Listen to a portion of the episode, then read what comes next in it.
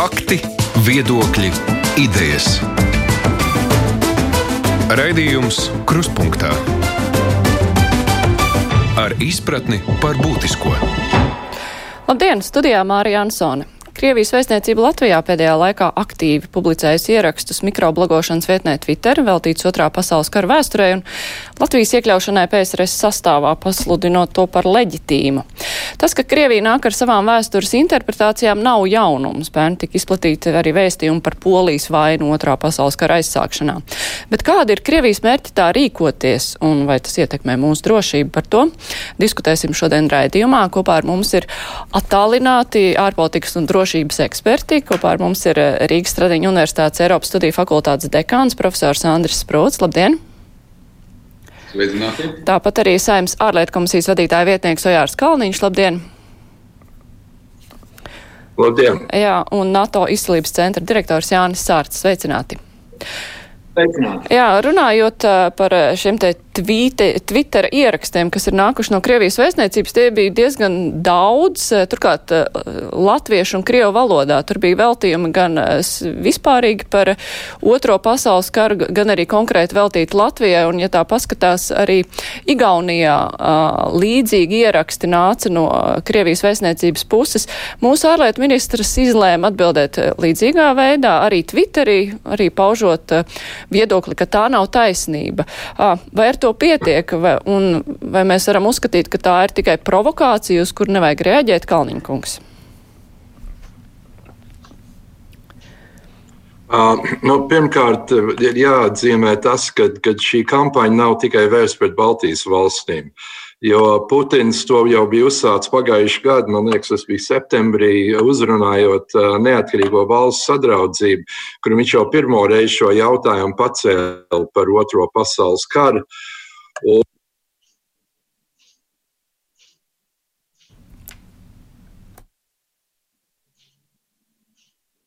À, mums laikam ir tehniskas problēmas. Mēs, Kalniņa kungs, jūs nedzirdam.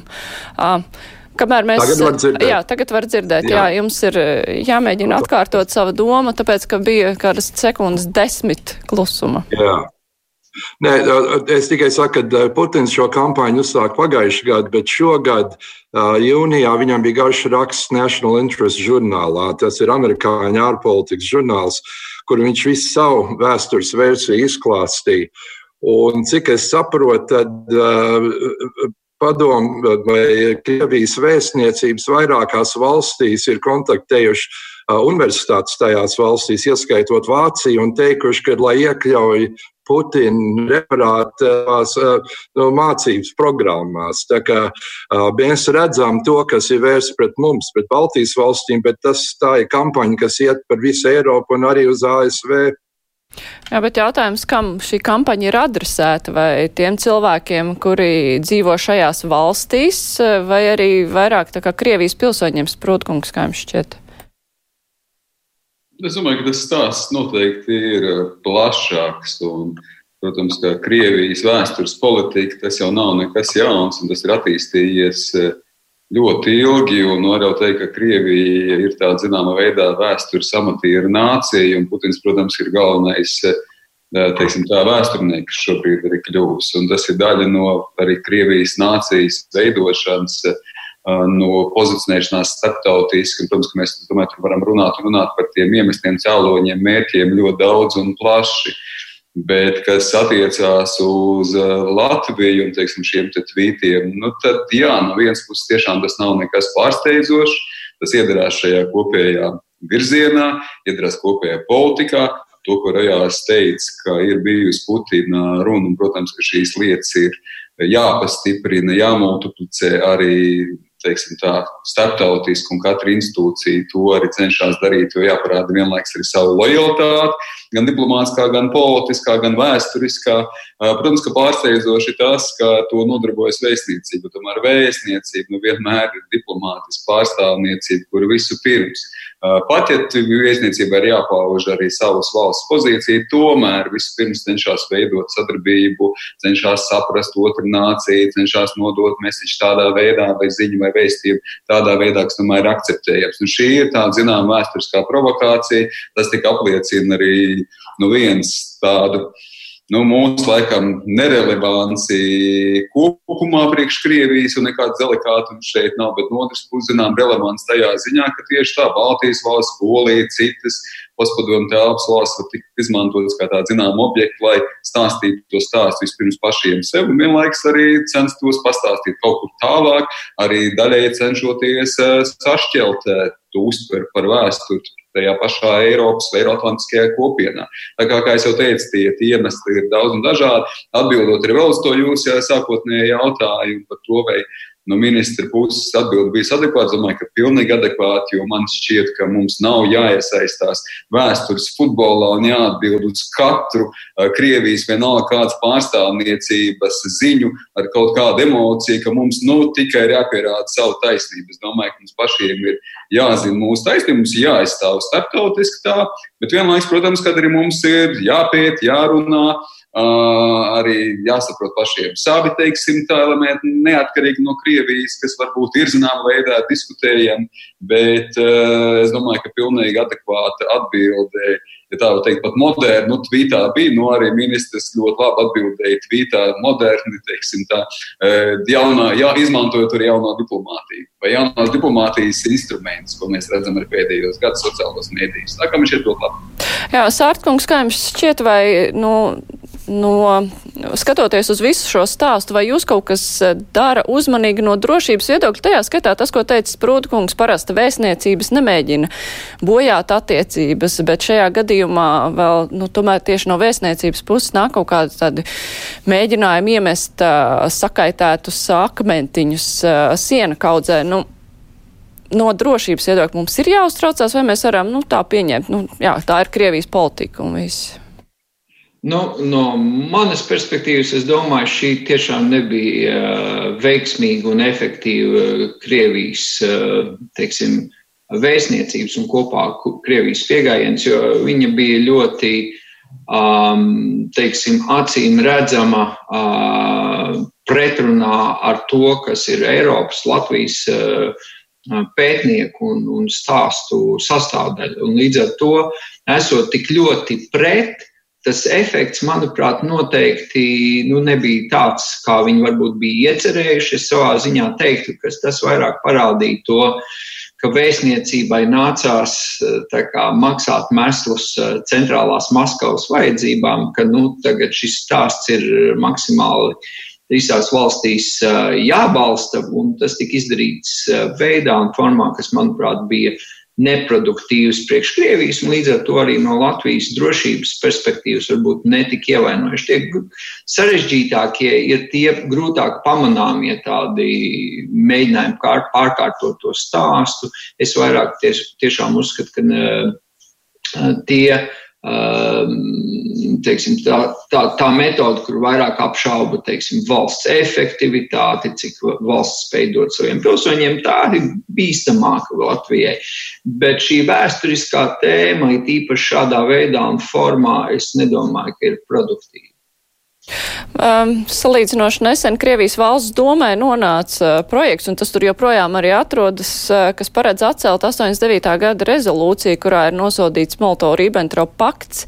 Uh, vai arī tā ir provokācija, vai mm, kāds nevar, ja, ja pēkšņi tiek pieņemts šis dokuments, vai kāds nevar apšaubīt, piemēram, PSRS sabrukumu un meklēt tam atsaucīgas ausis Krievijas sabiedrībā. Es saprotu, ka juridiski varbūt tur nevar apšaubīt, bet eh, tīri Krievijas sabiedrības prātos varbūt var mēģināt eh, panākt atbalstu arī šādai idejai, Kalniņkungs. Jā, es domāju, ka tieši tas ir domāts ne tikai Krievijas sabiedrībai, bet jaunai paudzei. Jo atcerēsimies, ka ir vesela paudze tagad Krievijā un varbūt arī Eiropā, kas nav piedzīvojuši padomu laikus, otro pasaules karu.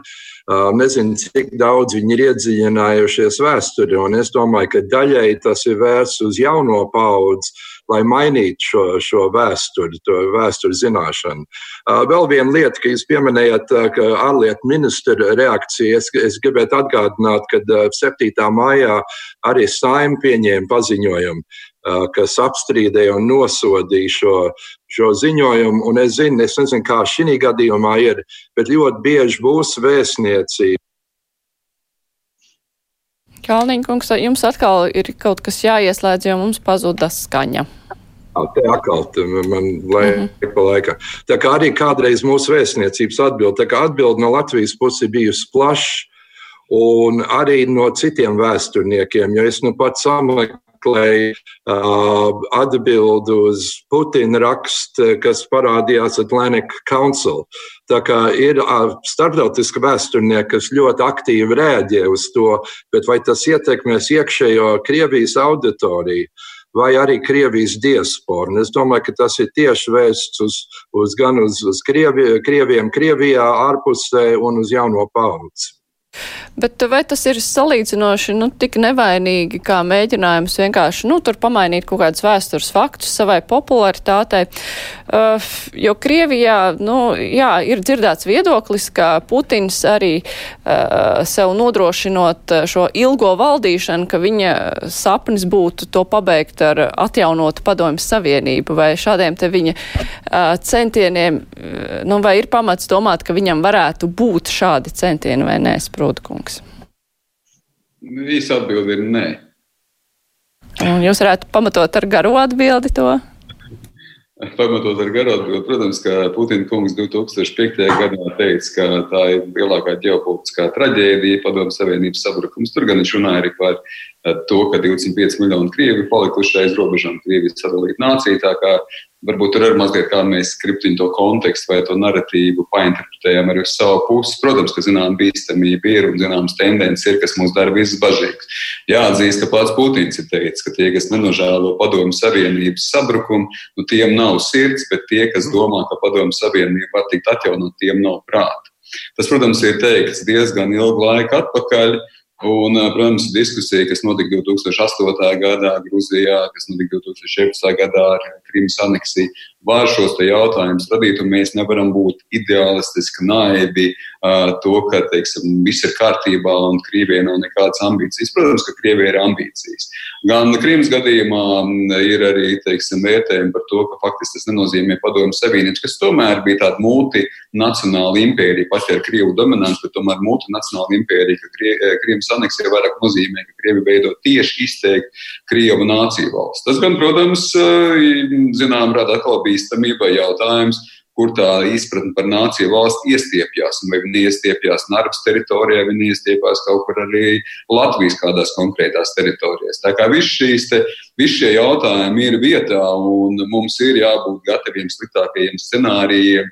Bet man šķiet, ka domāt un dzīvot ar domu, ka Putins kā tikai domā, kā atjaunot padomju savienību, nu, manuprāt, tas nav tā pareizā doma. Te jau to, ko arī Jānis teica, nu, man šķiet, ka daudz bīstamāk ir tur, kur tiek apšaubīts, kā mēs darbojamies kā valsts, eh, kāda ir efektivitāte. Un tur jau tas ir tīri mūsu mājas darbi. Un, ja mums ir mūsu mājas darbi izdarīti, un mums ir spēcīga Eiroatlantiskā kopiena, un tīpaši transatlantiskās attiecības, mēs esam daļa no NATO, tad es teiktu, ka šie jautājumi neradīsies ne mums, ne arī Putina kungam. Bet, protams, tas ir permanents process ambīcijas eh, zināmas par ieteikumu ir. To, ko šobrīd tikko ir iznācis ziņojums arī Britu parlamentā par Krievijas instrumentiem, kurā es domāju, tas sākums ir labs, kurā arī autori atsaucās uz Franču 19. gadsimta sākumā slaveno ministru Talērānu. Krievijas problēma ir tā, ka vienlaikus Krievija ir gan spēcīga, gan vāja. Un, protams, ka Krievija ir savi instrumenti, nenoliedzami Krievija būvē šo impērijas mītu gan iekšēji, gan ārēji. Un, kā jau teicu, Krievija nesaprot vai nekad nav mēģinājusi saprast, kā veidot attiecības ar mazām valstīm, tīpaši tām, kas kaut kādā veidā iekrīt šajā padomu savienības vai impērijas mītā kopumā. Un Krievija ir pietiekuši daudz instrumentu, bet, protams, ka Krievija ir ļoti daudz vājumu, un tas, ka viņi cenšas par katru cenu pārliecināt pasaulē, cik viņi svarīgi, nu, apliecina jau iekšējo arī vājumu un arī paša Putina kunga negluži pilnīgi drošās politiskās pozīcijas. Viņam nepārtraukti ir jābūvē šie mīti. Tā kā atgriežoties vēlreiz, atbildi ir nē, pat, ja, protams, šīs nē, slēpjās, kā jūs jau jautājāt, daudz izvērstāk, daudz šķautnienāk atbildi, un es negribētu krist tādā naivumā, nenoliedzam, mums jābūt ir gataviem, mums ir vispirms pašiem savu rezilienci jāstiprina mūsu sabiedroto attiecības, bet es domāju, ka nepārvērtēsim Krievijas vēlmu atjaunot padomu savienību un Putina arī nu, teiksim, tādu negluži prāta, prāta darbu, domāt par šādām domām vismaz tuvākajā, tuvākajā un neteikt arī tālākajā nākotnē. Bet, ja mēs runājam par šo pieminēto ziņojumu par uh, Krievijas iejaukšanos uh, Lielbritānijā, nu, tur bija minēts, ka secināts, ka Lielbritānija ir kļuvusi par galveno uh, Krievijas mērķi rietumos. Vai tas nozīmē, ka Krievija tā kā attiecībā uz mums ir kā drusciņi atslābus, vai vienkārši nu, mēs esam tik ļoti pakārtoti. Uh, nu, atkarīgi no tā, cik stipra būs Lielbritānija. Jo, protams, ka mēs vien paši nevaram pret Krieviju neko izdarīt. Mums ir svarīgi mūsu sabiedrotie, un tad Krievija tagad, nu, vēršoties uh, pret mūsu sabiedrotiem, stiprajiem, nu, vēršas arī pret mums. Tad tas ietekmē arī mūsu drošības ārtungus. Nu, es varbūt gluži nepiekrīstu, ka Lielbritānija ir galvenais mērķis. Es redzu to galveno mērķi Krievijai tādā transatlantiskā kontekstā, kā ASV. Bet, protams, Lielbritānija ir viens no lielajiem mērķiem, bet es piekrītu, ka pēdējos, teiksim, piecos, sešos gados, jo vairāk Krievija ir uztaustījusi, ka viņu šie te uh, kombinācijas starp vecmodīgiem ietekmes instrumentiem un moderno tehnoloģiju izmantošanā, lai iejauktos iekš, iekšpolitiskos procesos valstīs, dod pienesumu viņu interesēm. Šie, šīs intereses arvien vairāk un vairāk ir vērsušās ar vien lielākām valstīm. Atcerēsimies 15. gadā Vācija, Angels Merkel, tur Lizas gadījums, Lielbritānija, gan Brexitā, gan citos gadījumos, tad ASV nu, arvien lielāks un lielāks valsts, lielākas ambīcijas. Mēs esam kļuvuši jā, mazāk eh, interesanti. Ir, protams, ir cilvēki, kuru atbildības sfērā Baltijas valsts un Latvija ir, kas dara savu darbu labāk vai sliktāk. Tur dažādi var spriest, bet eh, tā lielā mašinērijai, protams, mēs neesam tas pamatmērķis un jau labu laiku mēs neesam. Jā, es atgādināšu klausītājiem un Latvijas televīzijas skatītājiem, ka šodien mūsu diskusijā piedalās Rīgas Stradiņu Universitātes Eiropas studiju fakultātes dekāns profesors Andris Prūts, arī Saimnes ārlietu komisijas vadītāja vietnieks Ojārs Kalniņš un NATO izcelības centra direktors Jānis Sārts. Raidījums Krustpunktā. Jā, jau pieminētajā ziņojumā tur bija minēts, nu, tie vairāk, tur bija daudz veidi, kā Krievija mēģina ietekmēt uh, lietas Lielbritānijā. Tur bija gan uh, informatīvā kampaņa, gan uh, kiber uzbrukumi, un tāpat arī caur Krievijas pilsoņiem, kuri ir pārcēlušies uz dzīvi. Uh, Lielbritānijā, bet kā ir ar Krievijas pilsoņiem, eh, kuri dzīvo šeit Latvijā? Pirmkārt, Krievijas pilsoņi šeit ir eh, kļuvis daudz vairāk, otrkārt, eh, Putins tagad ir parakstījis likumu, ar kuru, principā, ir iespējams iegūt tajā skaitā Latvijas pilsonību, jo kā bijusī PSRS valsts Latvijā dzīvojušie cilvēki var viegli iegūt Krievijas pilsonību, un Krievija neprasa atteikties no Latvijas pilsonības. Protams, mēs it kā to nepieļaujam, tajā pašā laikā varbūt kāds vienkārši neuzrāda šo otru pilsonību, vai ir risks par eh, pārāk nu, lielu Krievijas pilsoņu kaut kādu klātbūtni Latvijā, nu, ka Krievija to varētu izmantot, Sārtkungs. Nu, eh, šeit, protams, ir skaidrs, ka gan Krievija, gan citas autoritāras valsts ļoti bieži, tā skaitā pamatā Ķīna, ļoti bieži izmanto savu, eh, teiksim, pilsoņu jeb uh, izceļotāji no tās valsts teiksim, grupas, lai realizētu savu ietekmes politiku. Tas nav nekas jauns. Tā tas ir bijis jau gadu desmitiem, ja ne vēl vairāk. Uh, un, protams, ka Latvijā arī šis ir viens no riskiem, bet mums jāsaprot, ka nu, šeit ir jāmeklē tāds līdzsvars. Ja? Mēs jau nerunājam tikai par to, kā Krievija var ietekmēt mūsu Mums, manuprāt, jāsaprot, ka arī mēs ar to, kādu mēs esam, kādu dzīvi mēs dodam šeit pilsoņiem, varam ietekmēt ar šo ziņu arī Krievijas informatīvo telpu, varbūt pat neformālo informatīvo telpu. Un tie pilsoņi, kas bieži vien ir pārvākušies, ir diezgan labi šie starpnieki, kas šo informāciju pasniedz atpakaļ Krievijai. Līdz ar to nu, to visu iebāzt tajā maisā, ka nekādā gadījumā nevajag, un tas viss ir bīstami, nebūtu pareizi. Tur ir diezgan izsvērti jāskatās. Protams, ir riski un ir bīstamība šajā visā, bet ir arī iespējas, jo parādot, kā šeit Latvijā mēs dzīvojam, bieži vien īpaši tie Krievijas pilsoņi, kas nesen pārvākušies, visvairāk novērtē to starpību. Visvairāk novērtē to starpību, kas ceļās no demokrātiskas valsts vērtībām un demokrātiskas pieredzes. Līdz ar to šeit es teiktu, um, glāze pa pusē pilna, pa pusē tukša. Un tur ļoti uzsvērti jāskatās līdzi, bet ar, ar tādu vienu vērtējumu to nevar tā teikt, pateikt. Tie ir bīstami un viss. Bet risks, ka būtu kādi Latvijas pilsoņi, kuri pieņem Krievijas pilsonību un, piemēram, Latvijā to neiz, neuzrāda, tā, tāds risks nepastāv? Nu, protams, ka tādi, tādi riski ir, bet, nu, teiksim tā, no tādām uh, drošības perspektīvām, nu, aģentūras, ietekmes aģentu tīklu un tā tālāk. Nu, tas nav obligāti nepieciešams. Ir daudz dažādi instrumenti un veidi, kā ietekmēt cilvēkus, lai viņi darītu to, ko nu, vēlas attiecīgās teiksim, valsts pārstāvi. Un nevienmēr tas noteicošais ir šī pilsonība. Un, kā mēs zinām, arī bez tā ir diezgan daudz cilvēku, kuriem ir Latvijā Krievijas pilsonību, līdz ar tā, tādam kontekstam aizsargāt savus pilsoņus, nu, pietiek arī šo cilvēku bez tā.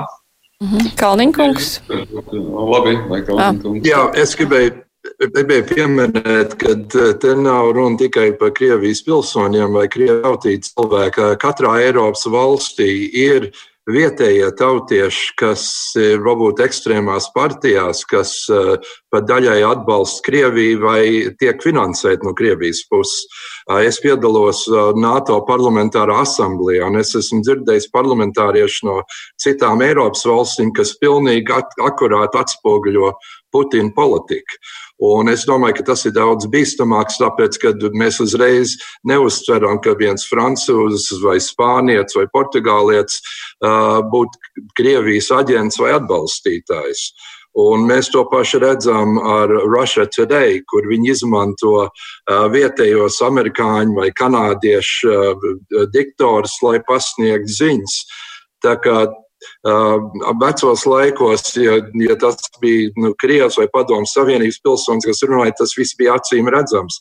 Šodien ir vietējie, kas ir nu, angažēti vai, vai samaksāti, lai, lai šo propagandu virzītu tālāk.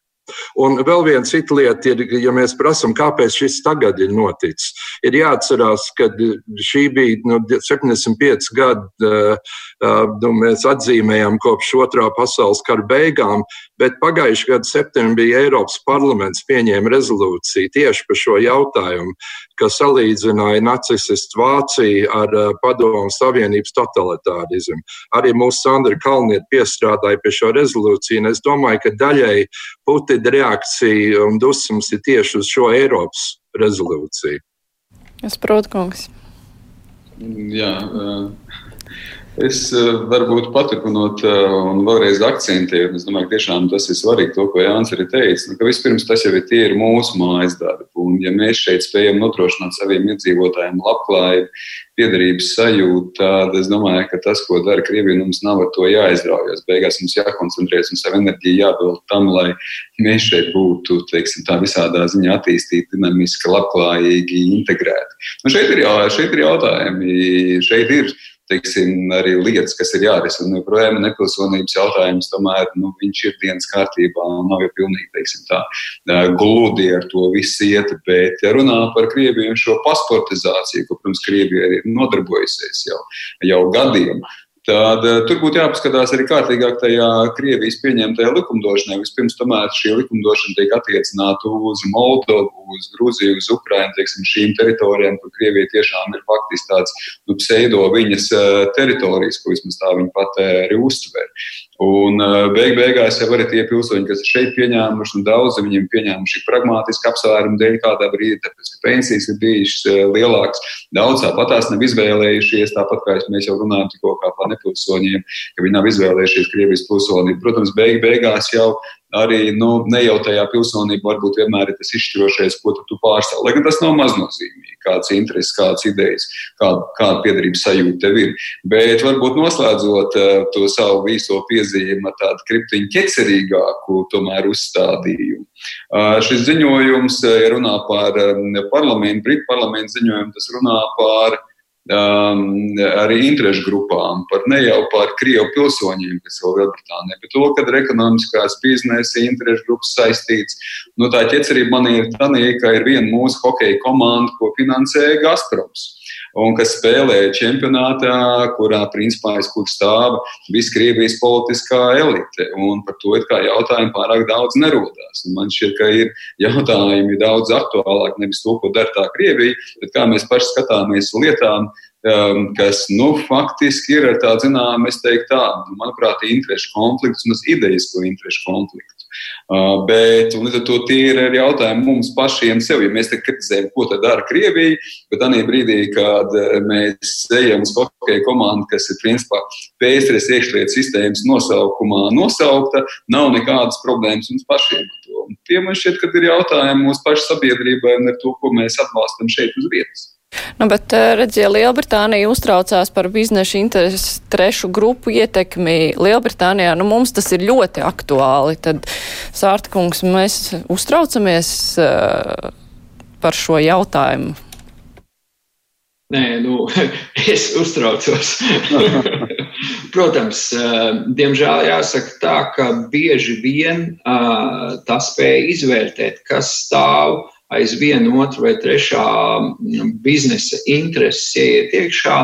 Nu, Latvijā nav bijis varbūt eh, tajā augstākā līmenī, un neba Krievija vienīgā, kas spēlē šajā līgā, kur izmanto ekonomiskos dažādus šķietamos labumus, lai iegūtu, teiksim, politisku ietekmi vai ietekmi pār kaut kādiem procesiem valstī. Ir arī citas valsts, kas to dara. Uh, Un e, šeit, e, protams, ir jābūt spēcīgam teiksim, regulējumam, kas dod iespēju nu, novērtēt it īpaši tajās jomās, kur nu, teiksim, biznesa, nu, jeb infrastruktūra, kas attīstās šajā biznesa jomā, ir kritiska valsts funkcionēšanai, kur tas ir kritiski valsts drošībai, lai nesanāk tā, ka pēc kāda brīža ir nu, tāds jāplāt rokas un jāsaka, nu, mēs nesaprotam, kā tas nonāk tās vai tās um, valsts ietekmes sfērā. No otras puses, protams, tas jādara balansēti, jo nu, biznesa ir visefektīvākais, kad viņš ir atvērts un, un, un konkurence strādā savu, savu darbu. Bet, protams, manuprāt, mēs esam nedaudz nu, iepriekšējos gados ļaujuši pa daudz. Uh, Bet nu, šeit, protams, ir atkal jāatgādina, mēs arī šajā jomā neesam tā lielākā zivs, kur būtu jāķer.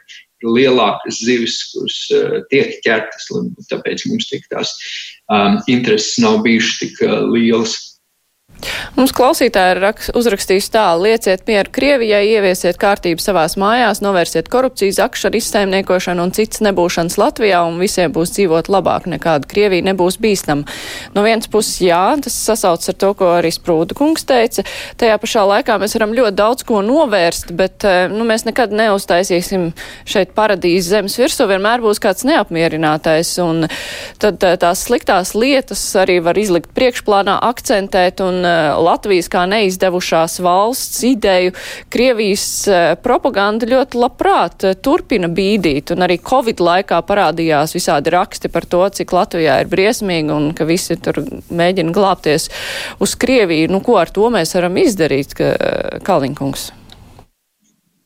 Nu, kā jūs jau teicat, tās problēmas ar korupciju jau ir visur.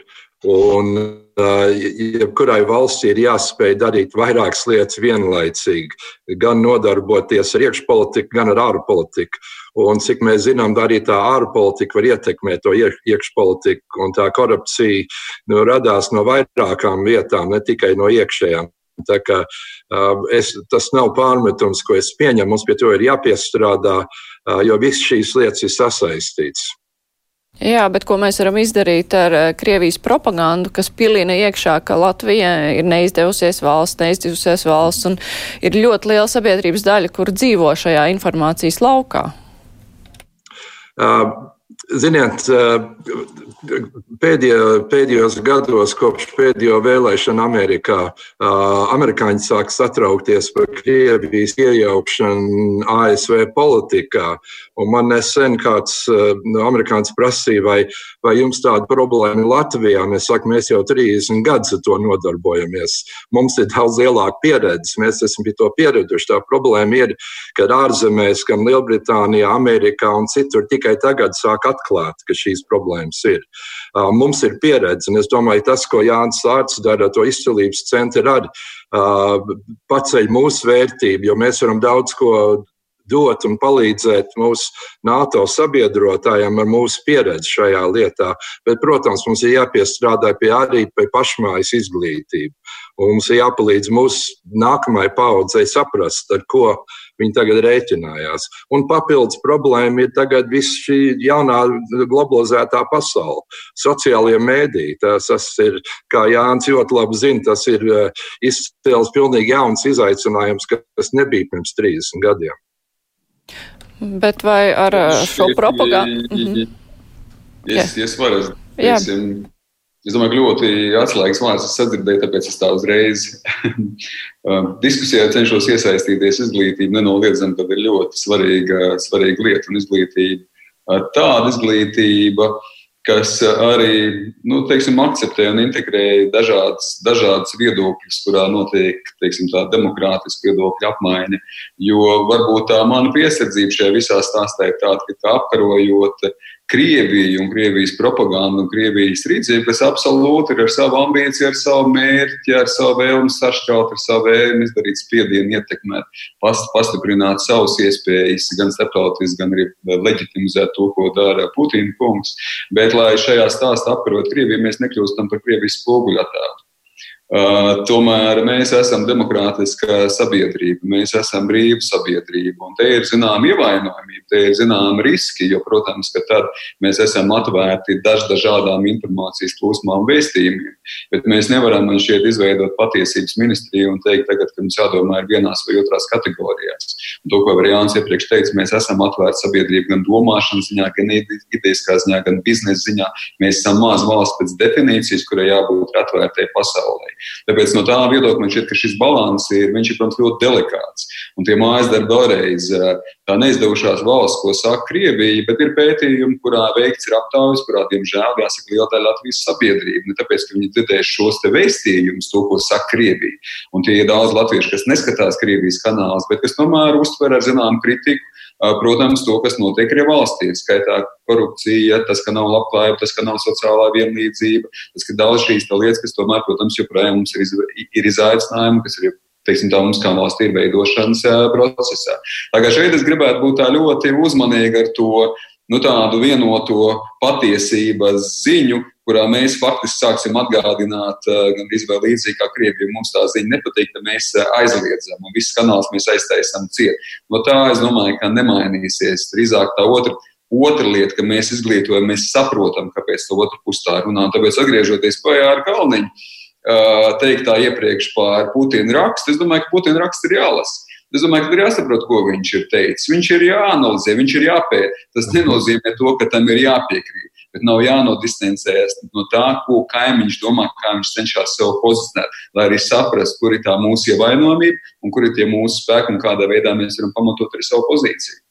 Nē, nu mums arī bieži zvana uz brīvo mikrofonu cilvēki, kur saka, kāpēc jūs aizliedzat Krievijas kanālus. Es labprāt paskatīšos, neesmu jau muļķis sapratīšu, ko tur raida, uh, ko tur stāsta. Tajā pašā laikā vai visi cilvēki arī sapratīs, vai mums nav kaut kā vairāk jāskatās, ko mēs ļaujam translēt, vai arī tā kontrola ir pietiekoša sārtkungs.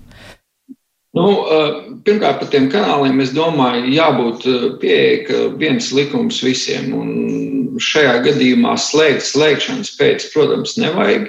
Bet, ja tiek pārkāpts likums un kaut kādi, teiksim, mēdīju standarti, tad sekām jābūt vienalga, vai tas ir Eiropas mēdījis, Latvijas mēdījis vai tas ir Krievijas mēdījis. Es, es redzu to vairāk šādā veidā perspektīvā un ka tiešām tam jāsako. Varbūt mums vairāk bija tā problēma, ka mēs tam tik ļoti nepievērsām pirms tam uzmanību un tagad to darām vairāk. Otrs, kas svarīgi ir saprast un arī izglītot, ka cik atšķirīgs var būt un ir šīs redakcionālās politikas, nu, kā vispār pieiet pie informācijas pasniegšanas vienā kanālā, otrā. Tas, manuprāt, ir būtiski, lai saprastu to, nu, teiksim, kā uztvert to, ko es tagad dzirdu. Uh, bet uh, trešais, ko es gribētu teikt, es savā ziņā piekrītu tam iepriekš teiktiem, ka vislabākā atbilde uz Krievijas propagandu ir Latvijas iekšējo pro problēmu novēršana, kas nav iespējams uzreiz, tūlīt un tagad. Tas ir lēns, pakāpenisks, ļoti grūts darbs. Bet, ja mēs skatāmies no tās efektivitātes um, perspektīvas, tā pieredze, kāda cilvēkam ir šeit dzīvojot, arī visvairāk droši vien arī noteiks, kā viņš uztver šo propagandu. Un cilvēks, kurš ir jūtās Eh, sociāli ievainojams, marginalizēts, viņam būs vieglāk šo paņemt, kā tas ir tas iemesls, kāpēc tā ir. Un cilvēks, kurš ir nu, labāk jūtās sabiedrībā, labāk viņa dzīve šeit ir uh, izveidojusies, jo viņš mazāk eh, šo šādā veidā uztvers. Un, protams, neapšaubām ir arī jāveic cilvēku izglītošana par to, ko nozīmē patērēt informāciju mūsdienu laikmetā. Ir tīpaši visiem sociālajiem mēdījiem, ar lielajiem datiem, mākslīgo intelektu, kas ar vien vairāk un vairāk noteiks, ko un kādā veidā mēs patērējam, redzam un, un, un lasam. Uh, bet mums nevajag sagaidīt, ka tas uh, novērsīs uh, nu, to, ka cilvēks ir cilvēks. Mēs parasti meklējam vienkāršas atbildes uz sarežģītiem jautājumiem, un mēs parasti meklējam viņas tās atbildes emocijās un instinktos, nevis racionālā domāšanā. Tas jau nu, nekur daudz nemainīsies, diemžēl, bet, protams, izglītība, izglītībai jāpievērš uzmanība. Jā, bet jautājums izglītībai, tas ir izglītība skolas solā vai kāda cita veida izglītība? Visās veidos un formās, skolā, formālā, augstskolā, teiksim, domāšanas, kritisks, neatkarīgs eh, vērtēšanas spējas eh, cilvēkos ir ļoti būtisks. Bet, protams, jāskatās visādi veidi, gan caur mēdījiem, gan citām programmām, kādā veidā nu, cilvēkos celt. Jo pat ārpus Krievijas šī problēma paliek, jo tā informatīvā telpa, kādu mēs viņu pazinām pirms 20 mhm. gadiem, ir principā sabrukusi. Viņas vairs nav. Viņi ir pilnīgi savādāk un jābūt jau krietni citām prasmēm, lai cilvēks spētu orientēties ne tikai par augstām politikas lietām, bet par diezgan vienkāršām viņam pašam būtiskām lietām. Tas pats Covid-19. Ja? Ļoti vienkārši veselības saistīta problemātika, kur nu, cilvēkam jāizlemj, kas viņam pašam ir svarīgi. Un bez šīm prasmēm nu, var iebraukt diezgan lielās auzās. Un tas man liekas, diezgan spilgti parādīja, ka šīs prasmes ir jāmēģina palīdzēt cilvēkiem veidot. Kalniņkungs. Jā, es, es domāju, ka Jānam ir tieši taisnība, ka tā problēma ir daudz plašāka nekā Krievijas dezinformācija. Um, jo es esmu pret cenzūru, bet tomēr mums ir likumi pret naidu runu. Uh, mums ir zināmi ierobežojumi, mēs redzam tagad sociālos mēdījos, kas notiek ar, ar visādām falšām ziņām, ar dezinformāciju, ar mākslīgām no video, kas ir uztaisīti. Tā ir daudz plašāka problēma. Un tur, jā, protams, ir jāmāca cilvēkiem kritiski domāšana, bet arī jāpalīdz viņiem atpazīt eh, šīs lietas. Un es zinu, ka tas, ko, kas notiek mūsu izcelības eh, Stratkom centrā, ka mēs palīdzam izglītot mūsu sabiedrotos. Eh, es domāju, ja mums būtu tāds centrs, kas būtu vērts vairāk arī uz iekšējo sabiedrību, eh, ja būtu tāds specializēts centrs, kas palīdzētu mūsu sabiedrībai saprast un izvērtēt to informāciju, ko viņi saņem gan Facebook, Twitterī un citur, eh, tas daudz palīdzētu, jo nepietiek tikai skolās. Es domāju, ka mums ir. Nu, jāpiestrādā pie šo plašāku, ne sevišķi uz jauno paudzi. Nu jā, un skaidrs ir viens, ka tā ir ne tikai Latvijas, bet arī ļoti daudz valsts problēmu, yes, kur ir saskārusies ar. Es varu vēl mazliet eh, pavisam. Jā, bet tad īsi pavisam. Pavisam īsi, protams, ka mūža izglītība ir. Ir absolūti šobrīd ikdiena, mums ir jāmācās no bērna kājas, tā skaitā par to, kā mēs tiešām uztveram šo informāciju, un tas viss ir jauns. Un nenoliedzami tā kritiskā domāšana, šķiet, ka universitāte ir viens no galvenajiem bastioniem, lai attīstītu kritisko domāšanu. Bet vienlaikus, protams, ka es saprotu, ka šis uzdevums nav vienkāršs. Jo to ir vienkārši pateikt, bet otrs, ehm, mēs esam ļoti dažādi, mēs esam ļoti emocionāli. Šajā informācijas eh, trokšņa gūzmā Beig beigās mēs katrs arī kaut kādā atlasām to, kas ir mūsu pārliecības. Mēs dzīvojam to, kas jau ir tik teikts. Mēs dzīvojam šobrīd pavisam citā mēdīņu informācijas vidē. Mēs jau varam aiztaisīt tos kanālus ciet arī. Un, protams, es piekrītu, ja viņi sludina naidu, viņus jātaisa ciet. Nav vispār jautājumu nekādu. Mums likums ir jātiecina. Bet beigās jau jāatcerās arī, ka Trumps, pret Trumpu bija praktiski visi mēdī, kādi vien varēja būt. Bet viņam izveidojusies milzīga atbalstītāju bāze, neskatoties uz to, ka lielākais absolūtais vairākums bija pret un kritiski vērtēja to, ko Donalds Trumps arī piedāvā. Līdz ar to, ar to ir jārēķinās, ka mēs nevaram uzspiest kaut kādu vienotu pozīciju, kā mums ir jādomā arī to, ko mēs uztveram ar kritisku domāšanu, mēs uztveram diezgan dažādi. Kā tas delikātais līdzsvars ir jāatrod par to, ka mēs mācām, teiksim, lai pieiet šīm lietām ar zināmu distanci, bet tajā pašā laikā arī atstājot to iespēju, ka mums tiešām ir demokrātiski dažādi viedokļi, dažādi, teiksim, tā, nu, sabiedrība. Nu jā, un tas arī nav tik vienkārši. Es saku paldies okay. mūsu diskusijas dalībniekiem. Kopā ar mums bija Rīgas Tradiņu Universitātes Eiropas studiju fakultātes dekāns profesors Andris Prūts, Saimnes ārlieku komisijas vadītāja vietnieks Ojārs Kalniņš un NATO izcilības centra direktors Jānis Sārts, bet mēs sākam brīvo mikrofonu.